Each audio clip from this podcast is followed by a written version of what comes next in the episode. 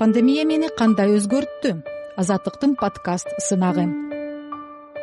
Мен маданбек маматов жалал абад областынын окен районунда масса айылынын тургуну саламатсызбы? Менин урматтуу угарманым жана көрөрманым. Сиз бул көз алдыңызда угуп жаткан жана тыңшап аткан бир баланын кайгырып жаткан кези ойлорум сансыз ойлорго бөлүнүп турат.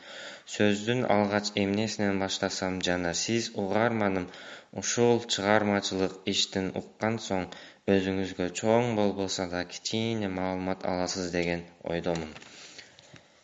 Ден соолук болсо амансың баарына бирдей жагасың ден соолук сенден кеткенде эч кимсиз жалгыз каларсың мен пандемия учурунда адамга эң эле биринчи ден соолук керек экенин түшүндүм. Албетте ден соолук болсо баары болот.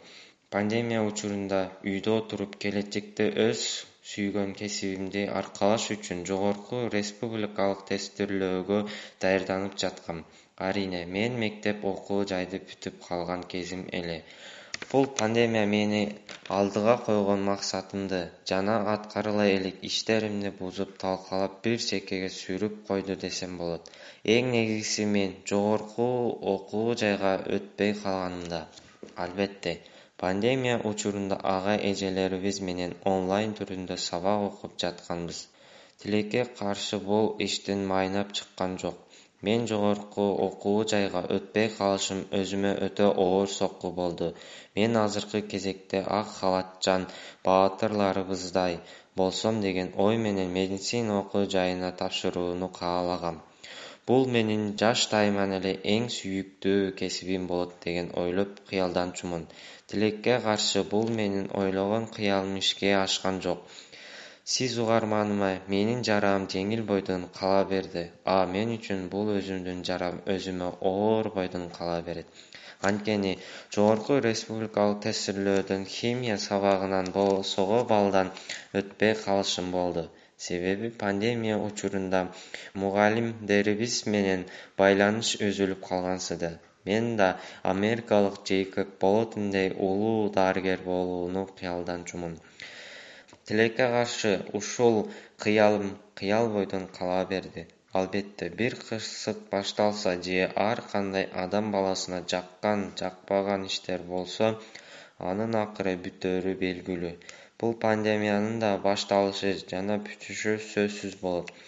Ар бир иштин башы жана аягы болот. Жада калса бир көңүлгө жакпаган иш болсо анын жакшылыгы жана жаманы сөзсүз болот бул жакшы жагы. Пандемия учурунда туугандардын баркына жана адамдын адам баласынын оорду билинди. Ал эми жаман жагы өз кыялданган эңсеген окуу жайга өтпөй калуу.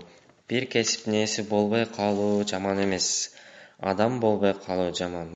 Мына быйыл өзгөчө жыязда келип жыяз артынан ээрчип таажы кирип жок дегенде элиме пайда тийип отурам үйүмдө мына минтип мына быйыл өзгөчө жыязда келип өкүмдөттүн таажы кирип дүйнөнү дүңгүрөттүң заарын чачып адам коркчу ооруңду алып кирип мына быйыл өзгөчө жыязда келип ханышасы болжаздын таажы кирип сууранабыз сапарыңды токтотчу деп бүт ааламдагы адамдар башын ийип мына быйыл өзгөчө жыязда келип жумуштарды токтоттуң таажы кирип ага эжелердин жады балдын негизинде отурабыз онлайндан сабак көрүп бул өзүмдүн бир тууган эжемдин ырсаттарына таандык.